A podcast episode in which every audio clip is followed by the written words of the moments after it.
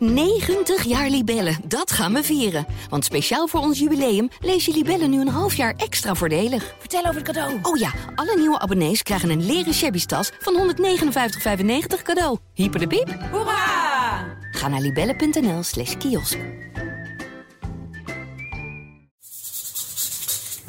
2009. Augustus 2009 verliest hij zijn baan. En dat heeft er alles mee te maken dat het op zijn werk eigenlijk van kwaad tot erger is gegaan. Bij Broekland liep het uit de hand. Hij bedreigde een eh, collega met een aardappelschilmes. Hij liet zijn broek zakken voor de camera. Hij praatte tegen stellingen. Gooide met zeepakken. Sneed soeppakken kapot. En dat was uiteindelijk de druppel. Kan gewoon niet. Nee, toen is hij in augustus 2009 ontslagen. En kreeg hij vanaf januari 2010 een uitkering. Toen is hij in april 2010, toen hij dus eigenlijk zonder werk zat, is er nog een medisch specialist ge- geraadpleegd, een neuroloog. Omdat hij eh, een slaapstoornis had. Eh, anders gesteld, hij draaide de dag en de nacht om. En vlak daarvoor had hij op 30 januari 2010 een pistool gekocht, een Colt .45 ACP. En op 29 april 2010 een revolver Taurus .44 Magnum. Waarna een maand later, in mei 2010, de psychiatrische behandeling wordt beëindigd. En volgens zijn vader was hij toen een hele normale, gewone, sportieve jongen. Die niet warrig was en niet depressief. Tja. Sportieve jongen. En over die periode heeft de inspectie uiteindelijk achteraf gezegd, toen ze alles wisten, of ze niet te veel, de behandelaars, of zij niet te veel afgegaan zijn op de wens van Tristan zelf om niet in therapie te gaan. En niet in therapie te zijn. Want waar hij in eerste instantie nog heel erg meewerkte na zijn eerste opname in 2006. En toen ook inzag van ja, ik heb medicatie nodig en hulp nodig. Werd dat steeds minder. Hij was steeds minder bereid om naar afspraken te gaan. En hij sloeg er ook wel eens een over. En de vraag is dus of de behandelaars daar niet alarm op hadden moeten slaan. Maar ja, luister, gaat het nou wel zo goed met die jongen? En moeten we niet eens een keertje alles op een rijtje zetten om te kijken of het wel goed gaat? Kan dat? Kijk, hij heeft dan wel een gedwongen opname achter de rug, maar dat is natuurlijk een enorme stap. Ja, Daar, daar, daar moet rechter aan te pas komen, daar moeten heel veel, eh, Klopt. veel dingen voor gebeuren. klopt. Maar het is wel een jongen die en een slaapmiddelenverslaving had. Die dik aan de cannabis zat. En die allerlei psychische problemen had. Dat lijkt voor een buitenstaander een tamelijk explosieve cocktail. Ja. Mijn naam is Marco, verslaggever bij het AD. En als je mij vraagt wat een zaak is die ik nooit vergeet, dan moet ik direct denken aan het schietdrama bij winkelcentrum De Ridderhof in Al van der Rijn, waar Tristan van der Vlis op die zonnige zaterdag 9 april 2011 het vuur opende op nietsvermoedende buurtgenoten die een boodschap deden. Heel veel zaken zijn destijds al onderzocht. Maar mijn collega Carla en ik hebben nu, tien jaar later, nog zoveel vragen. Daarom proberen we nu de complete puzzel te leggen. En is onze allesomvattende vraag: wat dreef Tristan? Wat dreef Tristan? Ook voor ons lijken de poorten van de GGZ gesloten te blijven. Marjolein ten Krode, destijds bestuursvoorzitter bij de GGZ Rivierduinen, zegt uit pietijd met de slachtoffers en nabestaanden niet mee te willen werken en verwijst ons naar eerdere uitspraken in een boek. Als ik Carla bel, nadat ik deze mail met afwijzing heb gekregen, is ze niet blij.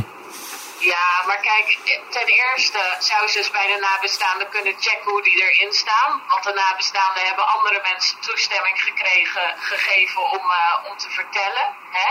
Dus eh, dat eh, lijkt me punt 1, waar ze zich niet achter eh, kan verschuilen. Punt 2 lijkt het me dat het ook helemaal niet gezegd is dat de slachtoffers dat niet willen. Dus, dus daar moet ze zich allemaal niet achter gaan verschuilen. Dat is onzin. Dat, dat, dat, dat is ook niet aan haar, weet je wel. En, en als anderen dat ook niet doen. En uiteindelijk is het wat zij zegt. is, hè? Ze hoeft, als zij allerlei hele onaardige dingen gaat zeggen. Ja, dan moet je uit de pietijd met nabestaanden misschien je mond houden. Maar gewoon een open gesprek. Daar hebben wij geen enkele aanwijzing dat iemand daar problemen mee heeft. Zeker nog. zou ik zoiets. Ik denk dat er best wel wat mensen antwoord zouden willen op de vraag of dit nou Zeker. eh, voorkomen zou kunnen worden. Of in ieder geval of er alles aan gedaan is om een herhaling te voorkomen. Zeker. En we gaan niet, we gaan sowieso geen oude citaten gebruiken en doen alsof we haar gesproken hebben. En dat, dat, dat slaat ook al nergens op. Dus eh, eh, die, die punten zou ik sowieso nog naar voren brengen als je haar terugmailt. En dat, eh, dat, de grote, ontbrekende, dat het grote ontbrekende puzzelstukje het geheel, dat dat de, de GGZ is. Hij denkt, je ziet de klok achter me. Die klok achter me. Zeker? Daar komt de geest uit. Als je goed kijkt, kijk je, daar zit een geest in. En dat zie ik omdat die rode wijzer die beweegt. Wie wel wil meewerken is deze man, hoofdpsycholoog Udo Nabic. Hij legt mij het verschil uit tussen wanneer vroeger iemand schizofreen werd genoemd en we tegenwoordig spreken van tijdelijke psychoses. Wij spreken niet meer over schizofrenie, we spreken over met een persoon die een psychose heeft. En dat is een tijdelijke, afgebakende problematiek van de hersenen, waarbij met name wanen en hallucinaties de overhand krijgen over het leven wat ik leef. En daarachter zit heel vaak heel veel angst. En angst waarvoor? Die wijze op boven, zie je dat niet? Heel ondefinieerbaar. Heel onduidelijk wat die angst is. Kan alles en nog wat zijn. Dus het is een ellendig probleem. Je wil het niet hebben. Die, die rode wijzer. De geest die achter die rode wijzer zit. Dus de, de geest, Die bevelt. de geest, Die zegt wat ik moet doen. de, Vaak heb je dus naast de waanvoorstellingen heb je dus zowel visuele als ook akoestische hallucinaties. Dat betekent van je probeert je de muziek heel hard te zetten, maar toch blijft die wijzer roepen. Ga nu naar buiten. Ga op het balkon en spring naar beneden. Ga nu. En ik zet de muziek heel hard aan. Dus dat is ook een dysfunctioneren van je akoestische breindelen, die dan op de een of meer op hol slaan en die tot akoestische hallucinaties leiden. Dat is wel dus echt afschuwelijk hoor. Maar, maar dan kan het dus ook zo zijn dat je, dat je voelt dat je een opdracht krijgt of dat je aangetikt wordt of zo. Tuurlijk, mensen die psychotisch zijn en suïcide plegen, als ze dan overleven, die zeggen gewoon, ik werd door de stemmen gewoon helemaal gek gemaakt, ik moest gewoon. En die stemmen zijn van nu springen, nu, nu, nu. De meeste psychoses ontstaan in je puberteit en lopen door totdat je een jaar of 30 bent. Dat vertelt Bert Stavenuiter. Hij sprak namens de ouders van Tristan destijds de Tweede Kamer toe. Dat hoorde je in de vorige aflevering. Tristan woonde op een korte periode op kamers na, altijd thuis. Wat krijg je dan als ouder mee van de psychoses van je kind? En ehm, hoe, hoe merk je dat? Dat iemand in een psychose zit? Want ik denk dat het vaak familieleden zijn die daar als eerste wel signalen van krijgen. Dat klopt. Eh, in veel gevallen zijn er natuurlijk mensen die daaromheen staan, dus in veel gevallen familieleden. Eh, en het uitzicht op heel veel verschillende manieren. eh, maar het ingewikkelde is dat je vaak als omgeving dat nooit meteen doorhebt. De- op het moment dat iemand stemmen hoort bijvoorbeeld, dan hoor jij ze niet als omgeving. Dus op het moment dat iemand stemmen hoort en antwoord geeft of reacties geeft, dan is dat wat je hoort. En dan denk je, hè, die praat in zichzelf. Eh, of het kan zijn dat, dat, eh, dat hij langzamerhand angstig aan het worden is of argwanend aan het worden is. Eh, dat hij zich net wat anders gaat gedragen. dat er, ja, het kan allerlei vormen aannemen. Het kan ook zijn dat hij op een gegeven moment zilverpapier voor zijn ramen doet omdat hij het gevoel heeft dat er straling doorheen komt.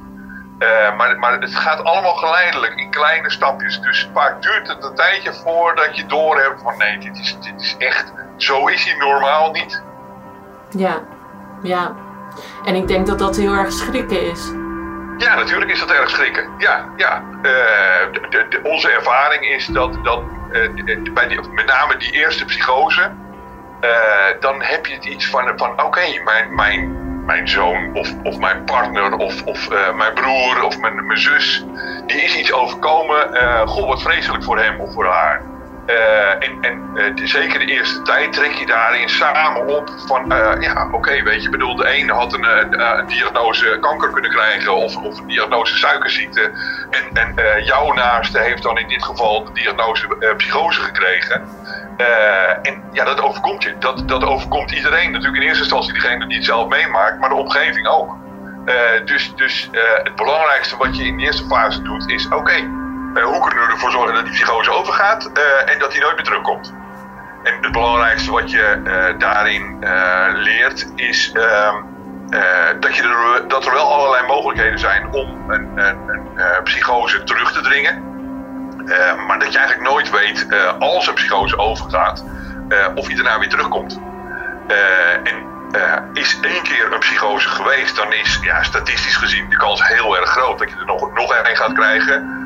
Dat is de boodschap die niemand wil horen. Uh, niet als je zelf een psychose hebt gehad en ook niet als in die omgeving zat. Dus iedereen is dan opgelucht van oké, uh, we kunnen de draad weer oppakken. Hij doet weer normaal en, uh, enzovoorts. en, en als er op een gegeven moment een tweede psychose komt, dat is vaak het moment dat mensen denken van oei, dit is kennelijk iets waar, waar, ja, waar ik rekening mee moet houden dat het vaker voorkomt. En, en die gaan dan vooruit kijken van ja, oké, maar wat, wat, wat betekent dat dan voor de toekomst? Want? Hoe kun je er vanaf komen? Kun je er wel vanaf komen? Iedereen met een psychose is in behandeling. Ja, in behandeling, dus dan praat je erover. Maar er is meer dan over. Ja, je krijgt medicatie. Precies. Je wordt opgenomen. Dus je krijgt, je wordt opgenomen, je zit in een andere setting. Dat zijn mensen die weten met, met die patiënt dan om te gaan. Terwijl die zo angstig is dat hij alleen maar in de hoek blijft zitten. Je hebt medicatie, je hebt een goede dagritme en dan uh, met goede mensen samen te brengen.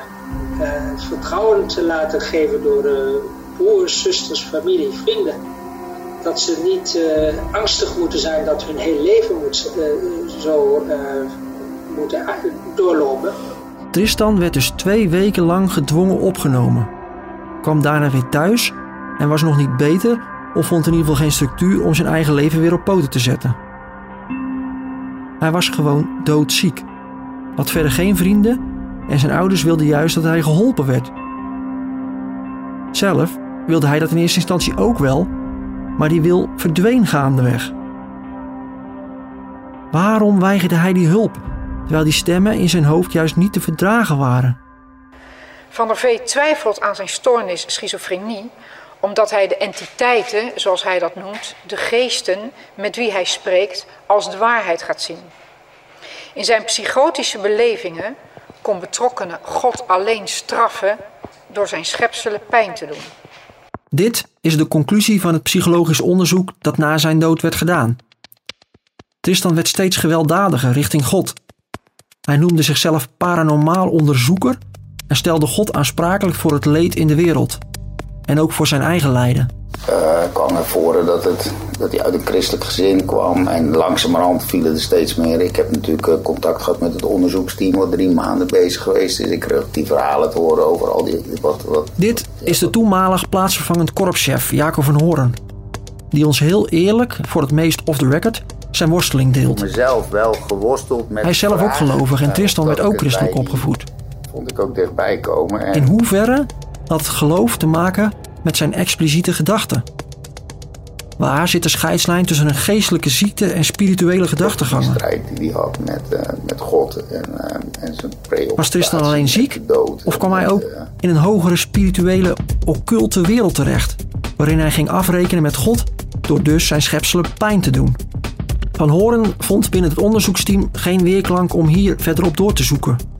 De burgemeester hield het samenvattend op een combinatie van copycat gedrag en een religieuze afstraffing. De, uh, uh, wat ik ervan begreep was het een combinatie van kijken naar wat er eerder was gebeurd en uh, voor zichzelf een wereld opbouwen van, nou ja, wat was het?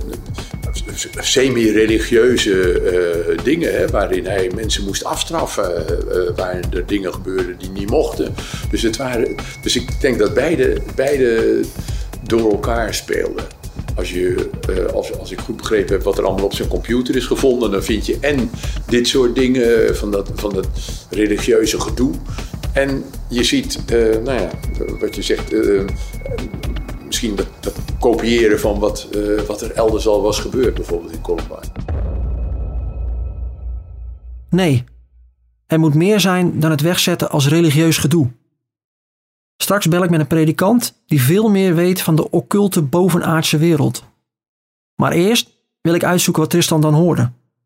Hij gebruikte namelijk een ontvanger waarmee je kunt communiceren met geesten.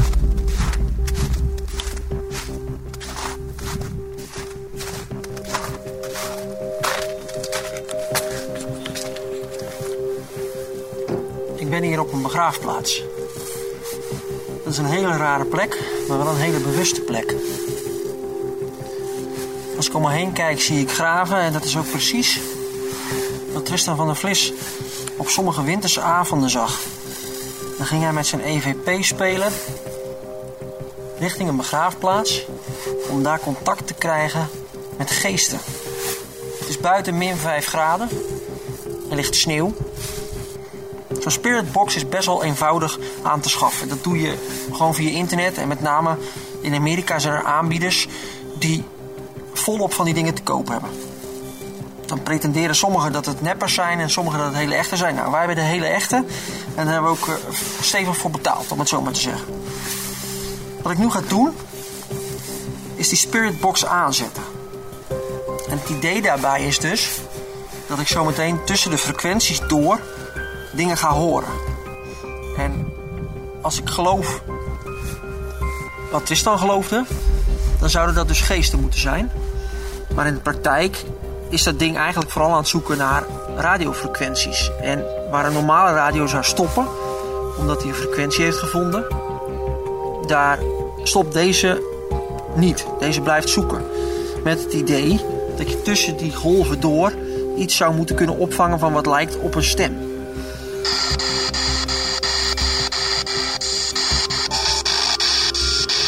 En ik zeg dan, ja, volgens mij zijn het radiozenders, maar je kunt dus ook denken dat dat geesten zijn, entiteiten zijn die proberen contact met je te leggen. Wat je ziet aan die K2 EMF-meter die, die ik er tegenaan hou, is dat die uitslaat op het moment dat er dus iets tussen de ruis door gezegd wordt. En dat zou dan het moment zijn dat er een geest is. Voor de duidelijkheid, ik sta hier dus op een begraafplaats met overal graven. En dit zou dan een plek zijn waar de meeste kans is om in contact te treden met geesten. Dat is niet zo'n hele gekke gedachte. Want geesten zijn natuurlijk vooral aanwezig waar overleden mensen zijn.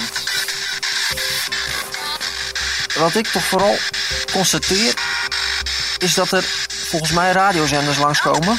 En precies op het moment dat er zo'n radiozender langskomt, slaat die meter stevig uit. Dus dan gaat hij van blauw naar groen naar geel, soms zelfs naar oranje. Rood wordt het nog niet. En zo liep ik tussen de graven door, in de kou, om te kijken of ik Tristan en zijn acties ergens kon begrijpen. En dan te bedenken dat hij dit midden in de nacht deed, met allerlei stemmen in zijn hoofd. Het is natuurlijk ook super eng het enkele feit dat hij stemmen hoorde of dat hij contact had met geesten of in ieder geval daarmee communiceerde, dat hij dat echt zo heeft ervaren. ik, ik, ik, begrijp ook dat dat kan. Ik heb nog niet zo gek aan geleden, toevallig een artikel gelezen over schizofrenie en over stemmen horen. Ze horen dus gewoon echt stemmen. Weet je, dat kunnen wij ons niet voorstellen, maar dat is wel zo. Dus ja, en denk jij dat het kan dat, dat hij misschien echt iets gehoord heeft? Dat denk ik wel. Dat hij echt stemmen heeft gehoord. Maar ik bedoel dat ook die... Maar, maar goed, jij gelooft wel dat dat ingegeven is door zijn schizofrenie. Niet dat die stemmen misschien bestaan. Nee, geloof nee. niet zo. Het ging bij hem nog verder. Hij voelde zich ook aangetikt. Ja. Verdomd. Wat hield dat in ook alweer, dat aantikken? Wat was dat? Aangetikt, ja. Ja, dat hij ergens door werd beroerd, zal ik maar zeggen. Dus dat iets of iemand hem aantikt. Op ja, letterlijk. ja, dus ja. Maar ik heb nooit de link kunnen leggen, wij niet, niemand niet, dat stemmen tegen hem hebben gezegd dat hij moest gaan schieten. Dat is dus, dat, dat is er nooit geweest. Althans, niet dat ik weet. En dat is natuurlijk ook zo onbevredigend, omdat je wel aan de ene kant dat hele verhaal hebt met die geest en dat tikken en dat, en dat contact en, en, de, en de schizofrenie. Maar waarom die nou. En natuurlijk heb je inderdaad het Columbine-verhaal, dus daar is iets helemaal niet goed gegaan. En is die om die reden gaan schieten, maar de logische link hebben we ook in die tijd nooit kunnen leggen. Al dus Kitty Nooy van het Openbaar Ministerie. In het officiële onderzoek hebben ze nooit een logische link kunnen leggen. Maar wat is logisch? Wat nou als er in het onderzoek echt te weinig aandacht is gegeven aan zijn geloof in een andere wereld? En hij echt werd gedreven door iets of iemand die hem aantikte? Iemand die meer over occultisme weet, is predikant Ronald Doornbal. Hij vindt dat we dit heel serieus moeten nemen. Het lijkt mij evident dat hij hierin geloofde dat het voor hem een werkelijkheid was en dat je het daarom volstrekt serieus moet nemen. Het gaat niet aan, met andere woorden, denk ik, om te zeggen: Weet je, hij noemde het geesten en hij zei dit en hij zei dat, maar wij weten beter, het is psychose. Dat vind ik, dat vind ik geen goede manier van, van, uh, van deze zaak benaderen. Ik zou gewoon zeggen: neem hem serieus in dat wereldbeeld. Het is wat anders om vervolgens te zeggen, uh, om, ja, ik noem het maar, ontologische uitspraken te doen. Je kunt, je kunt zeggen, wij nemen hem serieus in deze beschrijving, dus dat wordt een deel van wat ik ga zeggen in mijn onderzoek. Het is wat anders om daarmee te zeggen, ik, ik neem stelling en ik zeg daarmee dat die geesten bestaan. Ja, dus uh, om het zo maar te vertalen, uh, waanbeelden, zoals iemand uh, het zou noemen, die er van afstand naar kijkt, en occultisme, dat gaat nou ja, min of meer hand in hand. Dat gaat min of meer hand in hand. Kijk, en nu, nu is het punt, als ik nu even vanuit mijn eigen mening iets zeg. Ehm, kijk, ik geloof zelf dat geesten dus inderdaad bestaan. Dat het een ontologische werkelijkheid is. Dat het niet alleen maar iets is van een construct van het brein, maar dat het echt bestaat. En dat is, ik geloof zelfs dat de, dus de hoofdreden dat ik zo waarschuw tegen occultisme is dus dat je denkt dat jij het in je macht hebt, maar het krijgt macht over jou. Dus, dus in de Bijbel, om het zo maar even te zeggen, klinken waarschuwingen tegen occultisme. Uh, tegen dat zoeken naar die verborgen dingen. En dit zit erachter. Het is, ten eerste is het niet eervol voor God, want hij wil dat je vervuld wordt met de Heilige Geest en niet met een onreine geest. Dat is één ding, maar het is ook gewoon, ja, even heel plat gezegd, het is gevaarlijk. Jij denkt dat je in controle bent. Vergelijk met een verslaving. Hè? Mensen gebruiken drugs en denken, ja, dat heb ik wel in de hand. Maar voor je het weet, ben je verslaafd en heb je het niet in de hand. En dat geldt voor occultisme ook. Heftig zeg. Nog een verslaving erbij. En hij had al een verslaving. Hij blode behoorlijk en zat aan de slaapmedicatie en aan de antidepressiva. En dan was hij ook nog eens gefascineerd door shootings en wapens. Maar waarom juist hem dan goed leren schieten met levensgevaarlijke automatische wapens? Het was notabene zijn vader die met hem naar de schietclub gaat. We vervolgen onze tijdlijn. Hij viel op bij zijn schietclub, de dagschuttersvereniging Nieuwkoop. Maar niet omdat hij agressief of depressief overkwam, maar juist omdat hij zo net was. En omdat hij zo goed was op de schietbaan. Nee, waar hij overigens. Sorry? Een scherpschutter. Ja, waar hij overigens geen camouflagekleding droeg. Want daarover is gezegd door mensen van de schietbaan: ja, als hij dat had gedaan, dan hadden we hem weggestuurd. Het zou niet worden getolereerd. Hij is daar sinds dat hij lid was, 8 september 2007, meer dan 100 keer geweest. Dus hoe, sinds hij, dus in hoeveel, welke frequentie zit je dan? Een paar keer per maand. Dus dan heb je het over de periode 8 september 2007 tot en met januari 2011. Nee, ik moet het goed zeggen, tot en met april 2011. Waarin hij het meest is geweest in januari 2011. kwam hij bovengemiddeld vaak. En ook de periode daarna is hij een paar keer geweest. Maar hij is dus alles bij elkaar meer dan 100 keer op de schietbaan geweest. En hij gaat dus steeds, op een gegeven moment steeds vaker schieten. Ja. En toch glipt dat ook overal weer een beetje tussendoor. Er is niemand die dat echt opvalt, of die dat in de gaten heeft, of die daar iets van denkt. Of... Nee, ja, niemand zag iets bijzonders aan hem. Een jongen die zich keurig gedroeg, niks geks deed. Hij had wel weinig contact met de mensen daar. Hij, hij had bijvoorbeeld geen vrienden op de schietbaan en ging ook niet het gesprek aan. Maar ja, hij, nou ja, een beetje cliché, maar hij deed zijn ding. Hij schoot en hij ging. Uh, sprak netjes met twee woorden, maar dat was het. En zo zullen er meer zijn. Ja, ze kenden hem eigenlijk niet. Die eenzaamheid hebben we al besproken. Wat dreef hem dit laatste jaar voor zijn daad? De stemmen in zijn hoofd? Een tot in de puntjes voorbereid moordplan? Of allebei? Er was in deze periode één vriend, die hij zelfs vertelde over zijn plannen. De nieuwe verdachte is een vriend van Tristan van der Vlis. Hij zou op de hoogte zijn geweest van de plannen voor de schietpartij, maar hij stapte daar niet mee naar de politie. Kijk, voor de buitenwereld is uh, dit een incident geweest met één dader. Alleen dat weet je natuurlijk niet. Dus, dus wij hebben heel lang uh, nagedacht over zijn er meerdere daders. En totdat we eigenlijk wisten dat deze jongen niet een medeverdachte was, uh, of als een mededader was, was dat echt een serieus scenario. Pas twee jaar later besloot het Openbaar Ministerie de vriend niet te vervolgen. Een psycholoog en een psychiater vonden dat hem niet verweten kon worden dat hij de uitlatingen van Van der Vlis niet serieus genoeg nam. In het hele onderzoek is op geen enkele manier gebleken dat Tristan van der Vee in de voorbereiding van zijn daad gerichte samenwerking of ondersteuning heeft gehad van derden. Alleen, alleen, alleen. Maar zijn ouders dan? Hadden die de maanden ervoor niets in de gaten? Ze sliepen in ieder geval onder één dak. Waarom laat je je zieke kind dan steeds vaker werken aan zijn schietvaardigheid? In de volgende aflevering zoeken we daar de verklaring voor. Want er is antwoord op de brief die we stuurden aan de ouders. Hey, Kalle. Hey, Marco. We hebben mail. We hebben mail. Mail van de ouders. Zit je na het luisteren van deze podcast zelf met depressieve gevoelens? Zoek dan hulp. Praten over zelfdoding kan anoniem. Chat via 113.nl of bel gratis 0800 0113. Wat dreef Tristan is een podcast van het AD. Meer podcasts? Ga naar www.ad.nl/podcast.